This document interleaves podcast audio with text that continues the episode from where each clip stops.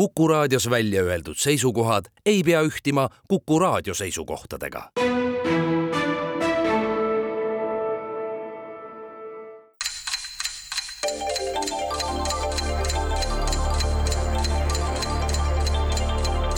tarkade klubi targemaid küsijaid toetab lisateadmistega Postimehe raamatukirjastus tere taas, Kuku raadio Tarkade klubi tervitab häid kuulajaid juulikuu kolmandal laupäeval, mis hea juhuse tahtel ka väga vähetuntud uudseleiva ja veidi paremini tuntud madlipäeval, mis pühendatud Maarja Magdalenale, kelle roll ja tegevus kirikuloos väga palju mõtte- ja vaidlusainet andnud. nagu ka päeva tähendus, ended ja lubadused ja keelud erinevate rahvaste kommestikes. alates heinateo keelust lõpetades pikse kartusega, mitmeti tõlgendatavaid fakte ja nähtusi on täis tegelikult terve meie maailm ja kui leidub eriti enesekindlaid esinejaid, olgu nad suunamudijad või koolitajad, muutub rästik läbi nende interpreteeringu rästaseks, parandab banaanikoor kõrvakuulmist ja õpib jänest tikku tõmbama. head kuulajad, miski pole endine, kui sügava veendumusega saientoloog või skeptik teie teele satub või teleekraanile. tarkade klubi saatel on hea meel kõik kahtlased ja veenmised pareerida oma mälumängusaate staatusega, pretendeerimata mitte millelegi muule peale hea intelligentse meelelahutuse selle eest kannavad ikka hoolt asjaosaline nelik mängijaid, kes täna seesama torekest nädal tagasigi. hea meel on Tallinna stuudios tervitada ebateadust eriti põlgavaid teadlasi, head folkloristi ja õppejõudu Marju Kõivupuud. tere kõigile! ja Marju Paarilisena head materjaliteadlast, teadustoimetajat Erudiit Marek Strandbergi. tervist! Ka Tartu stuudios on ebateadust üheks ebamõistlikuks asjaks pidavad mälumängusõbrad, armastatud Kivilinna kooliõpetaja Inga Toom. tervist! ja Inga paarilisena kultuurierudiit Andres Keil. tere päevast! hea meel, et te olete meiega ja taaskord kümme küsimust viies teemas, milleks täna on kultuur, geograafia, kõikide võimaluste maa Ameerika, Slava Ukraini ja Vaaria küsimuste autorid on täna Kivimäe kooli ajaloo ja ühiskonnaõpetusõpetaja Margus Pillau, meie head ja armastatud kuulajatest kaasautorid Tarmo Niinepuu ja Janar Tiiroja. alustame ja täna saavad avavaliku õiguse Marju ja Marek, palun no ütle midagi, oled mees või ei ole? ei ole, ei ole selles mõttes, et ma just mõtlen seda, et äh, ma eelmise korra nii-öelda haavad pole siiamaani paranenud. no kas sa arvad, et minul on? ei ole, selle tõttu on meil küsimus ju, mis äh, noh, nii-öelda istub sulle nagu aga kultuur, mis sa arvad, tunned sa ennast kultuuris kodus olevana? jaa, ütleme, ma tunnen ennast kultuuris, ohtlik tee, ma tunnen ennast kultuuris mõnusalt, aga see ei tähenda seda, et ma tean kõiki krüpteeritud nüansse ja detaile. aga siis on vaaria. kõivupuu oli selline naiselikult ebakindel, ma ütlen. nii, ja Tarmo Niinepuu küsimus teile kõigepealt. tuhande kaheksasaja seitsmekümne neljandal aastal leiutas Struve ühe käeskantava asja. enne seda olid need seadmed olnud suured ja mõeldud kasutamiseks kaevandustes, kui nad oleksid olnud piisavalt efektiivsed. see seade oli inspiratsiooniks Bellile, kes tuhande kaheksasaja kaheksakümne esimesel aastal proovis aidata atentaadi ohvriks sattunud USA presidenti James Garfieldi, aga tema seade ei andnud oodatud tulemust, sest president oli asetatud voodile, mis segas seadme korrektset toimimist. millisest seadmest käib jutt? Tänapäeval on need levinud nii käeskantavate kui ka ühte paika installeeritud seadmetena kas see tähendab seda, et seda on väga mõistlik kasutada siis, kui inimene on püstiasendis, sest et kui inimene on voodis, siis see ei toimi. kas need on mingisugused kaamerad? ja näiteks ühte paika saad sa installeerida valvekaamera, mis jälgib, kes tuleb. tuhat kaheksasada seitsekümmend neli. Lääts. Lääts. aga mida, mis on see nii käes, mida me käes kanname? Ja mis kaitseb meid oletatava atendaadi eest, mida saab installeerida ühte kindlasse kohta oma algsel kujul. tänapäeval on need täiustatud oot,. oot-oot-oot oh.. Bell, võtame nagu selle, et Nii. Belli telefon tänapäeval telefon võib olla, aga, aga kas, kas see on tuhat kaheksasada seitsekümmend neli, mina, esimene mõte oli mul ka, aga tuhat kaheksasada seitsekümmend neli ei saa olla ju käeskantavat mingit sellist, ma ei tea, wireless riista, millega sa saad rääkida. ei no wireless ta kindlasti ei olnud, selles mõttes, et siis ei olnudki, siis ei no olnud just. nagu ükski inimene teinud ju ühtegi mingisugust no äh, wireless katset, noh, ainukene, kes oli, oli magnetismi oli uuritud, eks ole, aga no,, aga see oli elektromagnetism ja ma just mõtlen, et veel kord, käeskantav seade, Bell võttis kasutusele ja see ei tööta siis, kui inimene lamab, ütleme siis niimoodi. kui inimene. et lamavas asendis ei olnud võimalik seda kasutada. president James Garfield, tema puhul ei andnud seade oodatud tulemust, sest president oli asetatud voodile, mis segas seadme korrektset toimimist. seadme korrektset toimimist mm? -hmm kujutad ette, et ma olen nüüd lamavas asendis ja mingisugune seade töötaks paremini, kui ma oleks püsti asendis ja kõnniks ja seda ma saaks kanda käe otsas, nagu ma aru sain. noh, mis asi saab olla käes kantav, millest võiks olla mingisugust kasu? oota, mõtleme, mis asjad siis üldse olemas olid. no tolleks hetkeks olid olemas ju tuhat kaheksasada seitsekümmend neli. Telefoni ei olnud, Aga... rääkida ei saanud, mis oli olemas, see oli, millega võideti ju kodusõda, oli kogu tehnoloogia, sealhulgas telegraaf sa mõtled, et telegraafiaparaati, jaa, et telegraafiaparaati võis kanda käe otsas? no toona oli ta ikkagi ma ei, ma ei oska midagi muud öelda. aga, aga mismoodi voodil ei saa? ma tahtsin just öelda, et kuidas see on seotud nüüd inimesega, kelle et oot-oot, ehk et kui ei ole kantav telegraaf ja on niisugune jurakas kusagil, siis ta ei saa voodist minna ju telegraafi juurde, oleks kantav olnud, oleks tema juurde tassitud. aga, aga, aga see oli algselt oli ju käes kantav, eks ole. ta leiutati jah, käes kantavana Truve poolt. Truve poolt leiutati mingi asi, mis oli käes kantav ja mis ei hakanud nii-öelda, ei olnud funktsionaalne, ei töötanud siis, kui inimene lamas see noh, minu meelest ma ei tea, telegraafiaparaati, kas tollel ajal jalutati nendega ringi? no mis veel on telefoni jaoks vajalik, mingisugune aga, aga kas tollel ajal sa tahad öelda, et sellist niisugust noh, nagu algelist fotoaparaati, mis püsti seisis ja mida sai nii-öelda noh, ühesõnaga no nii... seda pidid ilmutama, ma ei tea no, milline asja, sai... miks oli seda vaja Bellil kasutada oma telefoni Vaat, juures? mul tekitas küsimuse, kas Bell mõtles välja ainult telefone? no Bell mõtles välja ainult telefone, vot ja, ja tänasel päeval on see mis nii käeskantav kui ka ühte paika installeeritud seade, üsna levinud. üsna levinud, mitte üsna laialt levitud. üsna levinud. üsna levinud, üsna levinud, mitte laialt levinud. metalliotsija. õige see on metallidetektor ja milles küsimus oli Garfieldi puhul, kes oli. kuul oli sees. kuul oli sees ja just. ta, ja ta lamas vedruvoodil. selles oli küsimus, mitte lamavas asendis. Bell läks, üritas seda kuuli üles leida, ei saanud, sest vedruvoodi segas. suurepärane. Bell siis kasutas, see oli mingi piniseja siis ilmselt. ju siis nii oli mingi piniseja välja tuletasite, palju õnne, palju positiivsem algus kui nädal tagasi. on, on kohe nagu on tunne, et oled tark. kohe tunned, et ikka tead ka midagi sellest. Inga ja Andres, te olete ka targad, olge head, valige teema ja demonstreerige seda. kuna minu kõrval on siin äh, kultuurielu erudiit, siis ma julgeksin valida teema kultuur.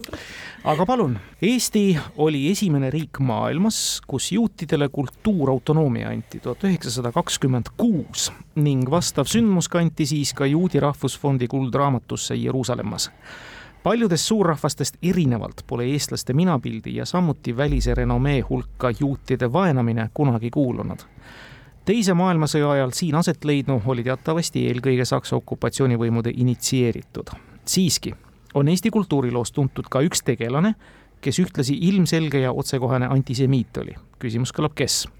See tuhande kaheksasaja neljakümne üheksandast kuni tuhande üheksasaja kuueteistkümnenda aastani elanud isik veetis oma eluõhtu Prantsusmaal, kus avaldas trükise pealkirjaga Juudi küsimus. kõige selle käigus õiendas ta muuhulgas arveid ka oma kodumaa konkurentidest vihameestega, kelledest peamine oli Jaan Tõnisson ning nimetas teda meie küsitava originaalsel kombel koguni Eesti esijuudiks ka oma rahvuse vastu tekkis antud küsimuses teada-tahetaval ühel hetkel teatav kiiks. nii näiteks oli ta isegi laulupidude vastu. eluaastat tuhat kaheksasada nelikümmend üheksa, tuhat üheksasada kuusteist. Prantsusmaal, juudi küsimus, millal Viiralt suri äh,? hiljem, hiljem kindlasti äh,. aga ja pealegi teadaolevalt ei olnud tal mingit isiklikku vaenu Jaan Tõnissoni vastu, et kui nüüd mõelda, eks ole, et Jaan Tõnisson oli Postimehes siis need konkureerivad väljaanded, no kindlasti, kindlasti ei olnud see Jakobson, kes suri minu mäletamist mööda tuhat kaheksasada kaheksakümmend kaks, aga kes seal veel oli, see Oleviku seltskond, vaata see Grenstein.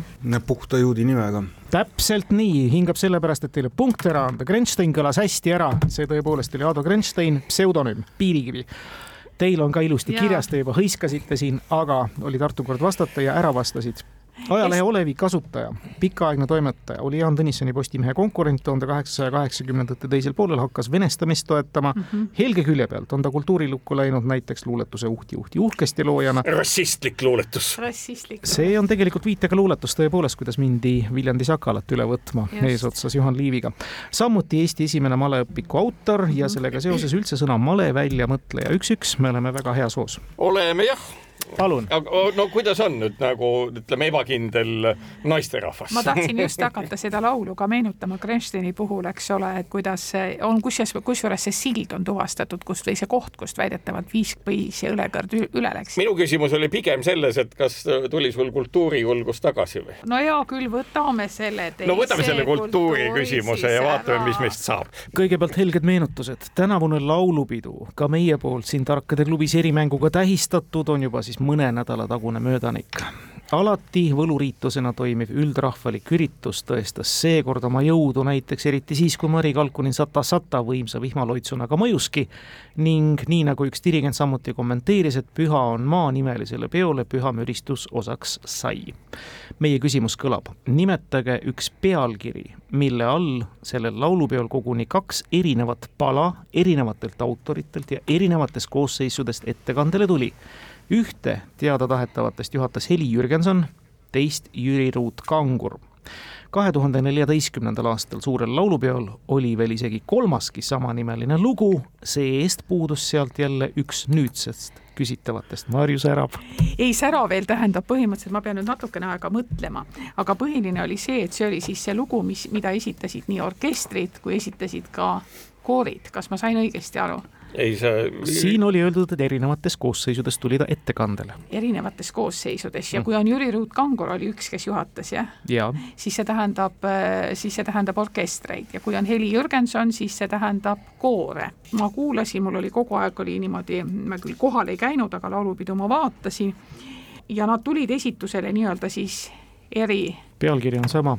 pealkiri on Pala, sama. autor autor, äh, aga oot-oot-oot-oot-oot-oot-oot, nüüd tuleb natukene mõelda. sa, sa saad seda harrastada, sellepärast et äh, vaatamata oma üsna patriootilisele loomusele äh, on see küsimus küsimus nagu see väga on, orbitaalne see, see minu. see küsimus, mida ma ei, ei, ei kohe kuidagi, laulupeo teema oli Püha on maa, segakoorid, ühendkoorid, Heli Jürgenson oli minu meelest ühendkooride ees ka no kõige levinum on ei, see ei saa olla, noh, mu isamaa ei ole, sest et noh, näiteks Sata Sata esitati nii lauluna kui tantsuna kusjuures.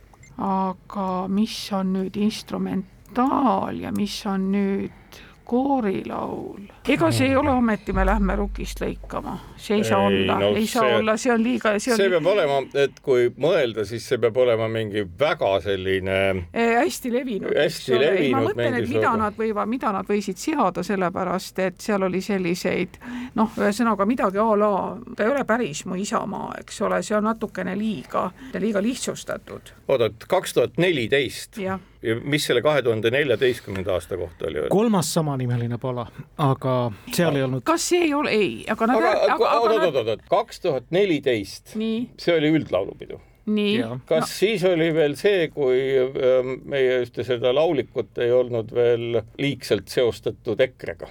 et ta ei olnud, see oli Tõnis Mägi. ja kas sa mõtled, et kas see, kas sa tahad öelda, et, et esitati Koitu, et Koit on see, mida lauldi just. ja, ja Koit on see, mida ka esitati. no Koit on nagu selles mõttes niisugune noh, kuidas ma ütlen, et kõige igasugune muu nimi on juba pikk eh, no paneme selle Koiti.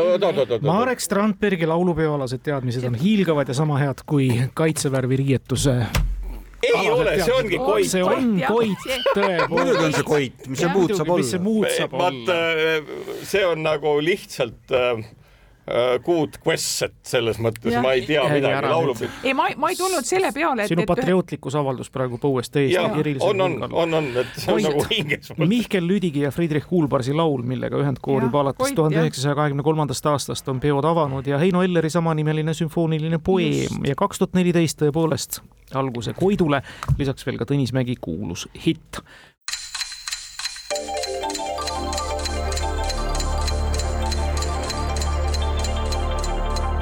tarkade klubi. targemaid küsijaid toetab lisateadmistega Postimehe raamatukirjastus. kultuur on läinud täispangale, kõik küsimused. see on väga hea sõber. kaks, üks, me oleme ka kultuursed. Andres, teie valik. Lähme vaatame, mis seal tähtede ja triipude all veel ripub. Ameerika, kõigi võimaluste maa Ameerika. küsimus on Tarmo Niine poolt ja küsib ta järgmist. Ameerika Ühendriikide riigiametnikest on kõige kõrgem palk presidendil Tarmo Niine poolt lihtne küsimus, kes on teisel kohal? millise ametipidaja siis? see amet loodi aastal tuhat seitsesada seitsekümmend viis ning esimene selle asutuse juht oli Benjamin Franklin. ehk siis see kõik juhtus juba aasta enne iseseisvusdeklaratsiooni. tuhande kaheksasaja kahekümne kaheksandal aastal oli see ametnik ka osaline presidendi kabinetist ning omas positsiooni juhtimise ülevõtmiseks, kui vajadus peaks tekkima.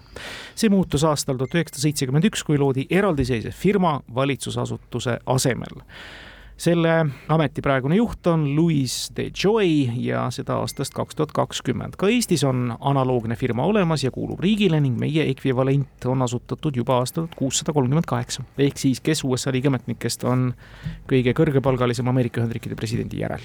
kas see firma on nagu jutumärkides, ma saan Ei. aru? ei, ei firma, firma, Firma. firma. Eesti Energia ei ole kuuskümmend kaheksa või tähendab tuhat kuussada kolmkümmend kaheksa, oot-oot-oot, mõtleme, viinamonopol aga Eestis ei, no mis asja, Eestis ei, Ei, ei, esiteks Eesti- Eesti, oota Eestis on olemas see firma, mis kuulub riigile, jah? jah nii oli mm. -hmm. mis meil riigifirmad on?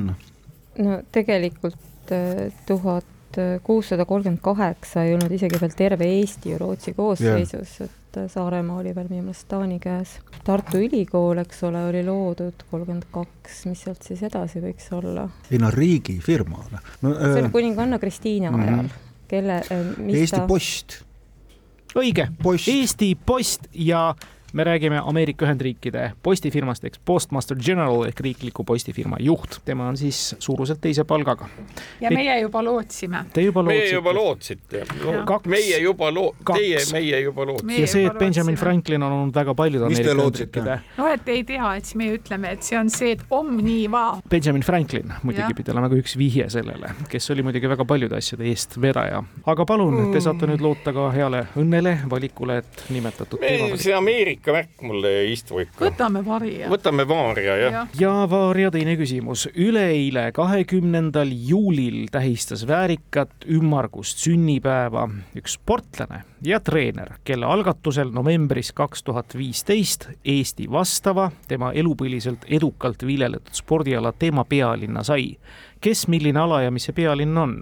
selle kohta on ka alaliidu presidendi ja omavalitsuse esindaja allkirjadega ametlik dokument olemas. vihjeks lisame, et iseseisev omavalitsusüksus küsitav pealinn meie kaasaja Eestis ei ole oot-oot-oot, millise spordiala teema pealinn?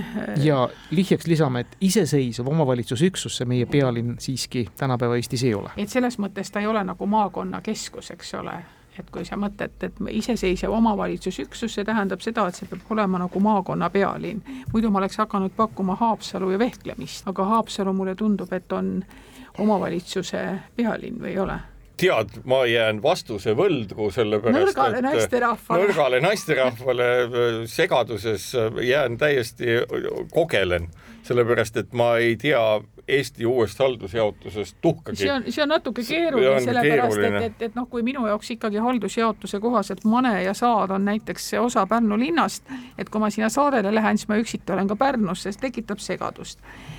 nüüd teine on, las ma mõtlen, teema pealinn on, on käsipall, on Põlva, mis on ka käsipalli noh, nagu teemaks. Ja kolmas on orienteerumine, aga ma ei oska nüüd öelda, milline nendest, aita nüüd mõelda. Nojah Vehkle-, see on nüüd on..., oli küll lubatud, et ei ole sporti, aga no nii-öelda ikka peitis ta ennast ära, ei mul ei ole nagu mingit noh, Haapsalu ja vehklemine tundus veel no Põlva, Põlva on, Põlva on nii-öelda käsipall, seal on väga tugev käsipall, seal on treener. ma olen kuulnud, et Põlvat nimetatakse käsipalli või nii-öelda selle nii-öelda teema pealinnaks, aga ma kahjuks ei tea sünnipäevi, ma ei tea isikut. ja ma tean seda, et noh, näiteks on see orienteerumis, samuti orienteerumine on seotud natukene Põlvaga, oota, Ilves on ju ka Põlvas, eks ole no mida ma veel tean, millised spordi, mis meil on sellised ekstreemsed spordialad? kus meil on sumo pealinn? sumo pealinn on Türil. sumo pealinn on Türil Türi ei ole kindlasti Türi. mingisugune kes... Türi, Türi on kevadpealinn, seal on muru, murumummud ja. aga ma ei tea, mis kuul on aga... Höövelson sündinud. ja ma ei tea, kas ta ja ka kas treenib. minu meelest teeb ta rohkem poliitikat, kas ta ja. praegu treenib. Tühi pea. oota, oota nüüd, ei ole sa oled äh, selles spordivaldkonnas väga kodus, ma vaatan, erinevate pealinnadega. ei no ma praegu mõtlen nende haldus, haldus nende noh, mis on nagu nii-öelda siis äh, meie maakondade pealinnad, see peab olema midagi a la kas, kas Türi või sest et noh, Haapsalu peaks ikkagi olema nagu Läänemaa pealinn ja, ja sellepärast vist langeb keegi veht-, vehklejatest langeb ära, siis on orienteerumine. iseseisev omavalitsusüksus, küsitav pealinn meie kaasaja Eestis ei ole. iseseisev, aga mis siis on teemapealinn? seda me küsimegi huvitav, kas see on see Nõmme ja see Kabe? õige, see on Nõmme ja Kabe pealinn, hiilgavad teadmised. kas oskad ka nimetada, kes see treener on? see on väga vääri-, mul on kohutavalt piinlik, aga ma olen aeg-ajalt jälginud tema suurepäraseid äh, lastega tegemisi, kuidas ta õpetab lapsi kabet mängima, korraldab turniire ja see on muljetavaldav, vanahärra, ma vabandan ta ees kogu südamest. ei, ei maksa. Heinar Ehun, tema nimi, ta on suurepärane kabetreener ja pedagoog, olgu ta siinpool ka Tarkade klubi poolt vääriliselt õnnitletud. väga hea hea spordiasjatundmus, aitäh kolm-kaks, Tallinn läheb selle spordiküsimuse kätte. siin on praegu täielik dihhotoomia, sina tead laulupidu ja minul tuleb mingi spordiasi. kabe. kabe. väga tore spordiala. palun, Inga ja Andres, poole mängu peal. palun, Inga ei oskagi kohe valida. võttis pahviks. Äh, kas sa e-, ise eelistaksid pigem seda Ukrainat või Ameerikat? geograafiat on ka muidu. Äh, geograafiat ma ei eelista seda ma eeldasin jah vali sina, ei mis, vaatame. no ma ei tea, võtame veel ühe Ameerika siis. Ameerika, Tarmo Niinepuu jälle ja tema küsib. Ameerika Ühendriikides on laias laastus kaks päeva aastas, kui ei toimu mitte ühegi suurliiga spordivõistluse mängu. see on päev enne ja päev pärast küsitava spordiala tähtede mängu seda juhul, kui ei ole olümpiaasta ja mingi liiga pole sellepärast pausile pandud. Mullu toimus võistlus üheksakümne teist korda ja leidis aset Los Angeleses. me küsime seda spordiala tähtede mängu, mis mahub siis kahe spordivaba päeva keskele. no siin ei ole palju variante, siin on variandid on äh, hoki, ma arvan, langeb ära, siin on variandid on pesapall, mis on kõige tõenäolisem, korvpall on ka variant, Ameerika jalg jalgpalli tähtede mängu kindla-, ma arvan, et ei olegi, sest see on nii vigastuste altis ala, neil on üldse kaksteist mängu vist hooajas, see langeb ka ära. mis meil on pesapall, korvpall. on tunda spordi asjatundja juttu äh, oota, nii, oota, oota, oota, nii, pesapall. pesapall on õige vastus, kolm-kolm on mänguseis. suurepärased sporditeadmised ja üldse kõik teadmised, kas te teate, meil on senimaani kõik küsimused vastatud, läheme sama lauluga edasi. on, on küll, kolm-kolm seisult Ukrainat ja geograafiat ja vaatame, kas see kena seeria jätkub. sõltub teist. ma ei tea, mis me võtame. no otsusta sina noh, mina. spordiküsimused on otsas. spordiküsimused, ma, ma arvan, et ei ole, tuleb Ukraina küsimused ka, äh, sportlane, Ukraina tõstja, kes tõstis midagi ja vahet ei ole ju, noh, ta iseenesest ju noh, mida, mida iganes, juhusvärk, et geograafia, et noh, me teame, et maa on ümmargune ja sellest ja pea on kandiline. ja pea on kandiline, sellest piisab. võtame geograafia. võtame geograafia, jah no.. Burkina Faso nimi tähendab tõlkes ausate inimeste maa rahvusvaheliselt mõõdetava korrumpeerumisastme indeksi järgi maailma enam kui saja üheksakümne riigi hulgas esimeses veerandis paikneva maa rahvale on see nimi siis hea motivatsioon vastavas nimekirjas tahapoole langemiseks. missuguse riigi nimi on aga tõlkes puhaste inimeste maa? rahvusvahelise keskkonnategevuse tulemuslikkuse indeksi järgi paikneb küsitav paraku saja seitsmekümne kuuendal kohal, nii et kui nende motivatsioonist rääkida, siis on see ainult ettepoole tõusta. riigi nime päritolule on tegelikult veel teinegi seletus, et antud nimi on selle tähtsamate geograafiliste alade või rahvusrühmade akronüüm. praegune riigi president on Arif Alvi, puhaste inimeste maa. esimene mõte on mul vale, aga on sul mingisuguseid ideid? aga ma tean, et see on vale, kuigi esimene ütle India. India, aga mis see juht oli? aga juht ei sobi oot, kes see oli? Arif Alvi. juht ei sobi. Arif Alvi. muidu ma mõtlesin ise niimoodi, et puhtad inimesed, India on hästi, ta on vist praegu üks. on, on üsna, üsna Arif ja Alvi. ja seal on väga palju erinevaid rahvusi elab teadupoolest erinevaid hõime aga ära jää sellesse kinni. ei, ma lihtsalt mõtlen, et äh, see nimi on ka selline, et seda ei oska ka kuhugi nagu platseerida, et ühtepidi ju midagi araabiakeelset. no nii ta on, et, et ta võiks olla või ta võiks olla vabalt ka mingisugune Aafrika riik, aga noh, põhimõtteliselt ma saan siiski aru, et, et noh, tegemist on suhteliselt, suhteliselt nii-öelda räpase, räpase riigiga, kui ta on puhaste inimeste maa, aga saja seitsmekümne kuuendal kohal oma puhtuse poolest keskkonnategevuse tulemuslikkusindeksi järgi, jah ah,? jah, nojah, keskkonna, ütleme siis niimoodi kus on veel selliseid piirkondi, kus on kas noh, ütleme nagu nime järgi, et äh, see on Araabia. no ta on kuskil Araabia. selles, selles, selles Just. piirkonnas, eks ole, et et ma isegi ei oska praegu arvata, et noh, kuna siin on tegemist, me saame rääkida, et seal elavad erinevad hõimud, et väidetavalt ta võib olla siis akronüüm, mis on erinevate hõimude siis nimedest või nimede esitähtedest kokku pandud. isegi kui ta on üks sõna, et siis ta võiks olla ju mingisugused silbid, noh mm -hmm., ütleme sotsialistlik vabariik, mis seal India all on ühtepidi, Sri Lanka, noh, kas Sri Lankas noh, nime või ette kujutada võib, aga Sri Lanka, kaks sõna, puhast inimeste ühiskond või? noh, mis on, eks ole, on ju, on ju kõik nii-öelda maad, mis sealkandis on, mis on nagu sellised moelteise islami värgid, need on kõik ju stannid mm -hmm.. Kasahstan, Usbekistan mm -hmm., noh, mis seal edasi tuleb, no nimeta.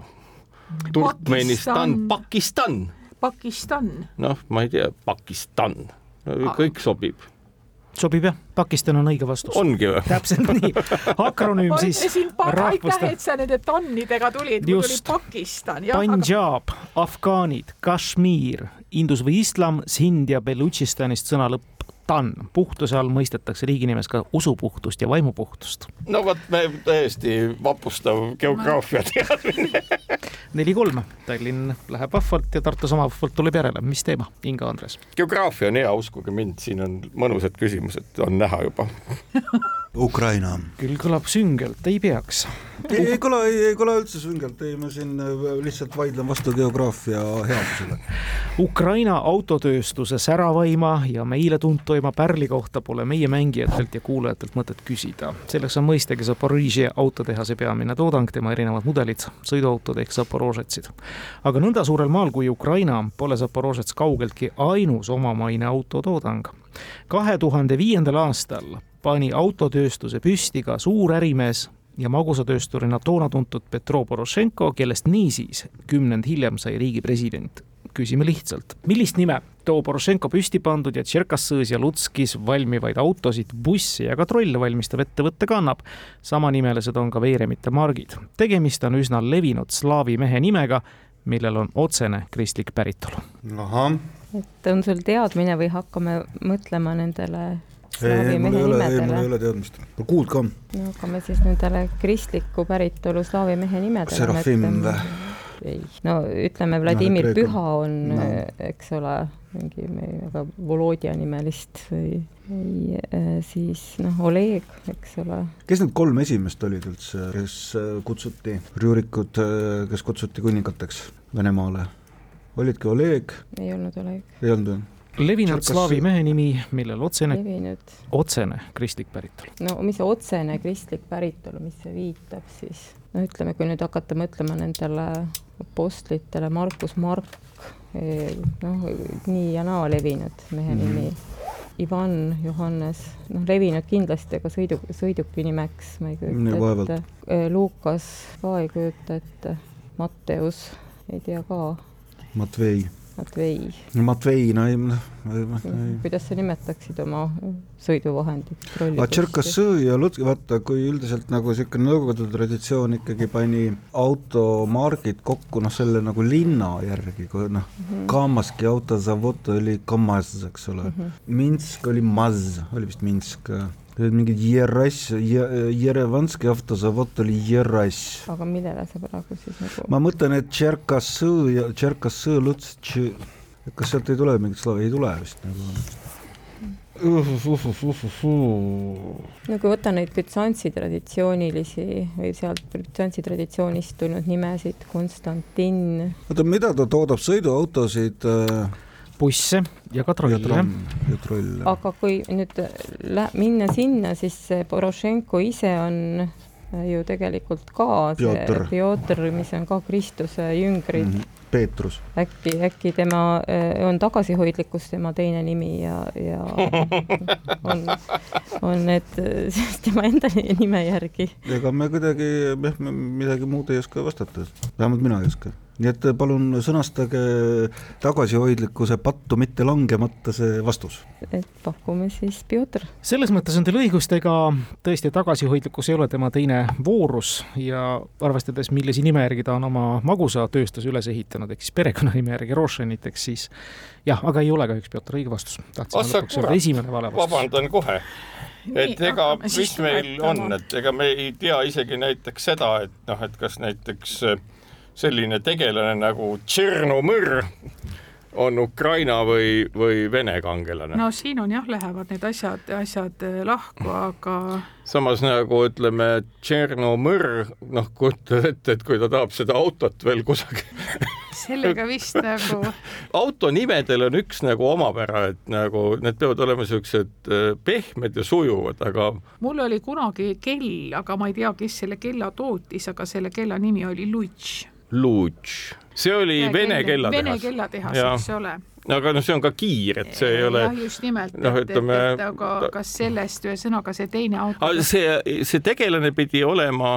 tegemist on, me küsime automarki, seda ettevõtet, kes sedalaadi autobussi ja trulle toodab.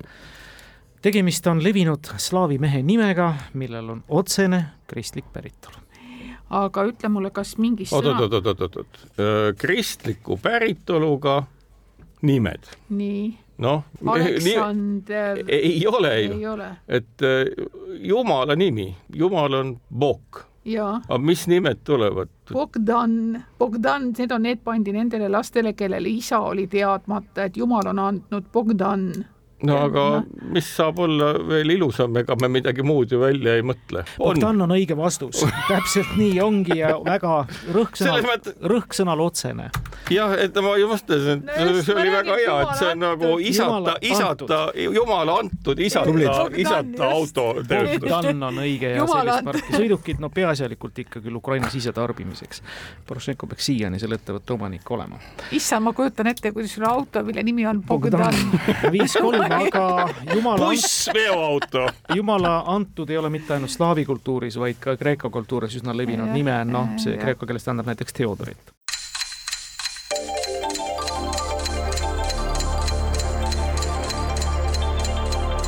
tarkade klubi targemaid küsijaid toetab lisateadmistega Postimehe raamatukirjastus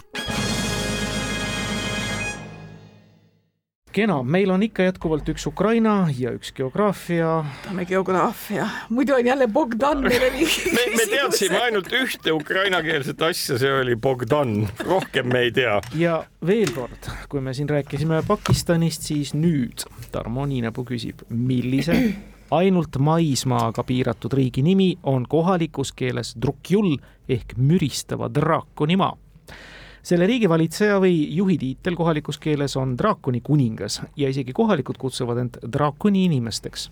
loomulikult on draakon kesksel kohal ka riigi sümboolikas. Meile tuntud nimi on tulnud sanskriti keeles ja tähendab ühe teise riigi lõppu või kõrget maad ma hakkasin algul mõtlema selle, mis seal Lõuna-Aafrika sees on see riik, aga see oli liiga kaugel vist, et seal. ma ei tea, minu meelest me peame ikka sinna Aasiasse ei, Aasiasse muidugi draakon. ju tuuakse meilegi, me peame ju Hiina draakoni, seda draakoni, noh, need pühad, mis need seal korraldavad, aga millegipärast ma arvan, et. drakooniliselt peame neid. Drakooniliselt peame. ja ei, mujale ja... ei ole minna.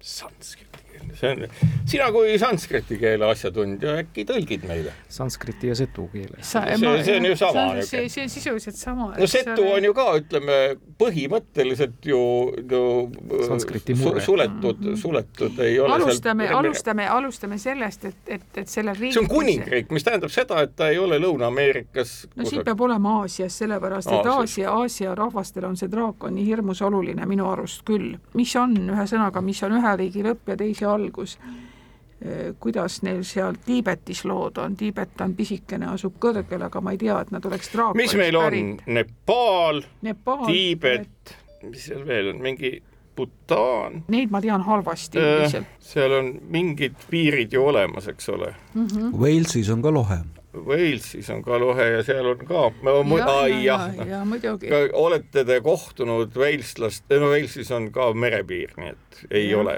ei, ei, ole mingi, kui ei ole nüüd mingi, mingi imelik mingi. ja meil on muuseas Põhjakonn, mis põhja... on sisuliselt enam-vähem sama elukas, kui vaja tõuseb ka õhku. Oh nimetame veel, mis pagana käbikuid seal on, eks ole siis on suuremad riigid, aga need ei ole kuningriigid vist väga seal. kas peab olema kuningriik? ei no valitseja. nojah, valitseja. no kas me võime järeldada, et valitseja on kuningas? kuningas. ei loe siit küsimusest välja. valitseja või juhi tiitel. valitseja või juhi tiitel. aga kui on juht, kas me ikkagi järsku ei peaks vaatama sinna kuskile, ma ei tea, Tiibeti või mingi selle? no aga need ongi ju, mis no Nepaal, Tiibet, Bhutan mis seal veel on, ega ma ei teagi, ega mul ei ole mingisugune aga kas see huvitav võtta siit kolmest üks siis või? draakon, draakon, draakon. ja seal on nad kõik siuksed tuld sülgavad. ja mida see nimi tähendas? see, me ei, see ei tähenda midagi. Drukjull, müristava draakonimaa Drukjull. see tähendab seda, et see peaks olema nagu mägedes. seismiline. jaa, seismiline ja mägedes. Nad, need kõik on. Nad on kõik. ütle mulle kõigepealt, kas näiteks seesama noh, Nepaal ja Nepaal on nii-öelda ümbritsetud? Tiibet, minu meelest ma ei tea. ja noh, Tiibet on jah. nagu üldse, eks ole, nii-öelda niisugune okupeeritud, kellel ei ole õig-. õigut, õigust midagi olla. Bhutan seda ma tean, ütleme niimoodi, et, et ma ei tunne selle maa. ma ei, ma, ma ei tunne midagi, ma lihtsalt nagu suudan meenutada. kui, kui Tiibetit ja Nepaali veel natukene nii-öelda jõuab kohale, siis Bhutani suhtes on juba, ma ei oska arvata ja ma ei, noh, ma ei usu, et, et mingisugused suuremad riigid oleks, kus on nagu Nepal, Trukjuul, Bhutan, Trukjuul täitsa savi, tead nagu ütleme, niisugune täielik äh, pimeduses kobamine. suudame me veel midagi välja mõelda? no ma ei usu, et see mingisugune suurem riik on, siis on olema, no Taiwan ei saa olla, Taiwan on ju väga merest piiratud, ta ei, ta ei, noh, ma, ma praegu võtan need, mille nagu tõesti võib-olla, võib-olla isegi mõnevõrra saar võib-olla mõnevõrra mõnevõrra saare, saare laadne. see võib olla poolsaare moodi saar, nagu hiinlased sellest aru saavad, eks ole, võib-olla nad ei jõudnud mere äärde. et noh, sellised, sellised, kus ma kujutan ette, et nagu Aasia usundite kohaselt või ütleme, selle maailmavaate kohaselt nad võiksid olla draakoni järeltulijad, et noh, need on minu meelest ikkagi, see on nagu ikka pisem oh,. see on nagu, kuulaks näiteks mingisugust äh, oletame siis näiteks Nepaali televisioonist ülekannet kus arutatakse selle üle, kes on eestlased, noh kusagil nad seal jah, keegi pole neid näinud, keegi pole neid näinud, need on midagi sarnast nagu päkapikud. ma ei tea, või on siis see Bhutan? ah, ega me välja ei mõtle. pakume nii. siis Bhutani või? õige, tuli ära, loomulikult on tegemist Bhutaniga ja Bhutan, mille teise riigi lõpp, see tähendabki, et on Tiibeti lõpp mm. -hmm. aga nõndaviisi on ja te teenite siit oma kuuenda punkti tänast mängu jääb lõpetama nüüd küsimus Ukraina kohta. esmalt saavad sellele vastata Inga ja Andres. ja siis meie ja siis meie saame kuulda, ukrainlased on ajaloos iga lipu all ägedad sõdijad olnud ja sellega seoses on tähenduslik, et muuhulgas ka Nõukogude Liidu kaitse rahvakomissaride ja kaitseministrite hulgas koguni kolm kindlat selle rahvuse esindajat oli. Nendest kaks hilisemat, Rodion Malinovski Hruštšovi ajal ja Brežnevi aja alguses ning talle vahetult järgnenud Andrei Gretško kes oli aga see ukrainlane, kes kaitserahvakomissari ametit aastail tuhat üheksasada nelikümmend, nelikümmend üks täitis, pärast samuti praeguse Ukraina alal sündinud Vorošilovi vastavalt kohalt talvesõja järel eemaldamist. samal ajal sai meie küsitav juba samuti Nõukogude Liidu marssaliks ja Nõukogude Liidu kangelaseks, oli niisiis kõrgeim ukrainlasest väejuht Teise maailmasõja ajal tänapäeva Ukrainas kannab sama perekonnanime üks tuntud ühiskonnategelane, seega siis võite vastata ka perekonnanimega. Nonii, kuidas sul Nõukogude Liidu marssalitega on jah, tahtsin just küsida. mälumängu klassika, jah oh,. Jeesus Kristus. noh, Žukov see ei ole. selle võime nüüd panna, kirjutada seina peale. Vorošilovi asem, oota, aga seal oli sarnase nimega S-tähega oota, kas ühiskonnategelane Ukrainast siis või? ja ikka. okei okay. -hmm mis need Ukraina ühiskonnad, oota, lähme sealtpidi, Kuleba, Porošenko, palju me üldse ühiskonnategelastega nagu, nagu praegu no kokku puutume? see va-, Vaskiv oli vist see, kes selle Slava Ukraini selle kodanikualgatuse asjaga oli, et noh, seda sorti tüübi võiks ka nagu ühiskonnategelaseks liigitada, eks ole. no ta ei ole tuntud ühiskonnategelane no,, ta on lihtsalt seotud nagu meie ja, selle ja, ja Konnatiigi skandaaliga. aga see, mis selle patsidega presidendikandidaadi perekonnanimi oli, Jeesus, ma ei suuda öelda praegu. Timošenko. Timošenko, jah, Timošenko on no. tuntud ühiskonnategelane, perekonnanimi on sama, mis iseenesest see võib olla nagu õrn vihje sellele, et see ei pea olema mees vähemalt selle mängus võib see nagu arvata, et seal on vihje. mis ta oli aasta aega, noh, Vorošilovi asemel me ei pruugi seda teada, tõenäoliselt me ei teagi seda, noh, liidu marssalid, neid oli nagu kirjuid koeri ja nagu liidu kangelasi oli tuhandeid, eks eestiski oli, ma ei tea, kolmteist vist või palju neid oli. olümpid Pärnaga eesotsas ja Albert Repsoniga lõpetades. no need ei ole ilmselt õiged vastused. sul on ikka hämmastavalt head teadmised. aga no, noh, no pakub, no aga mina, ma ei oska nagu muud, kui, kui see Tõmošenko, vaidled sa mulle vastu või ei vaidle, see võib olla mehe nimi, see võib olla naise nimi no kes sulle julgeb vastu vaielda? just nimelt, ära vaidle, kõik õige, Andres Keil, see on Tõmošenko, eesnimi Semjon, venepäraselt siis Timošenko. küsimuses mainitud Ukrainas ilmale tulnud Kliment Vorošilov oli ametlikult vene rahvusest, aga siiski olevat ta iseennast Ukraina juurtega alati sidunud ja nii nagu teada, kandis ka Luhansk nõukogude ajal Vorošilovgradi nime. neljas punkt Tartule. täna tuleb küll napilt Tallinna kuus-neli allajäämist tunnistada ja tõepoolest, kõik küsimused on saanud täna vastuse, erinevalt eelmisest korrast, kui pooled küsimused said vastuse, nii et olete äärmiselt erudeeritud, säravad ja targad olnud. kõige selle lusti ja lõbu peale kuulame ära siis teie arvamuse ka täna kuuldud parima küsimuse kohta. kõik olid parajad pähklid aga ära vastasid. nojah. ausalt öeldes ega see.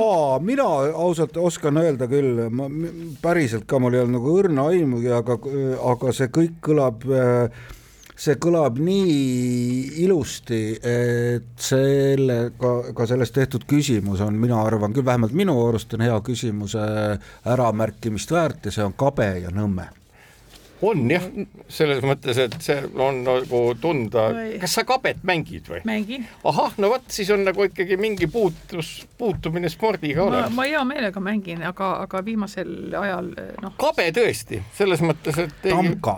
tamka. No, aga samas mina, mina, mina tahaks ka ikkagi sekundeerida, et, et ehkki, ehkki laulupeol eh, kingad ja seelik on juba praeguseks ära kuivanud, aga siiski see laulupeo küsimus, et see, see väga vahva leid, et tegelikult on väga mitmeid sama pealkirjaga lugusid laulupeol ja, mhm. ja see Elleri Koit on imeilus lugu tegelikult. nii et kui eestlased kokku tulevad ja küsivad, mida me laulame ja mängime ja kui keegi ütleb Koit, siis on vähemalt kolm erinevat nagu meloodiat, mis samal ja. ajal kostma hakkavad. ja selle, selle saatel saab ju ka kabet mängida. ja mida, ja, ja mida, ja mida esitab Koit Toome? kabetagem Koidu saatel, seda kohe päris kindlasti. suur tänu Inga, suur tänu Andres Tartusse, suur tänu Marju ja Marek siia Tallinnasse, soovime teile ilusat suve jätku ja uute kuulmisteni. hoolega hoitud auhinnad toob kohale Smartpost Itella. lõpetame saate nagu ikka kuulajamänguga eelmisel laupäeval lõpetas saate küsimus, kus palusime teil tõlkida alkonkini keeles lause Need, kes söövad toorest kala õige vastus on, et selles Põhja-Ameerika pärismaalaste kõneldavatest keeltest tõlgituna tähendab see lause Eskimot. kõige õigesti vastanute vahel naeratas loosiõnn kuulaja Valdek Kurele. palju õnne, teiega võtame ühendust. uut nädala küsimust, head kuulajad, täna ei järgne. tarkade klubi kuulajamäng läheb nimelt kuuks ajaks puhkusele. järgmised saated toob teieni hea kolleeg Hannes Rumm. Kuulmiseni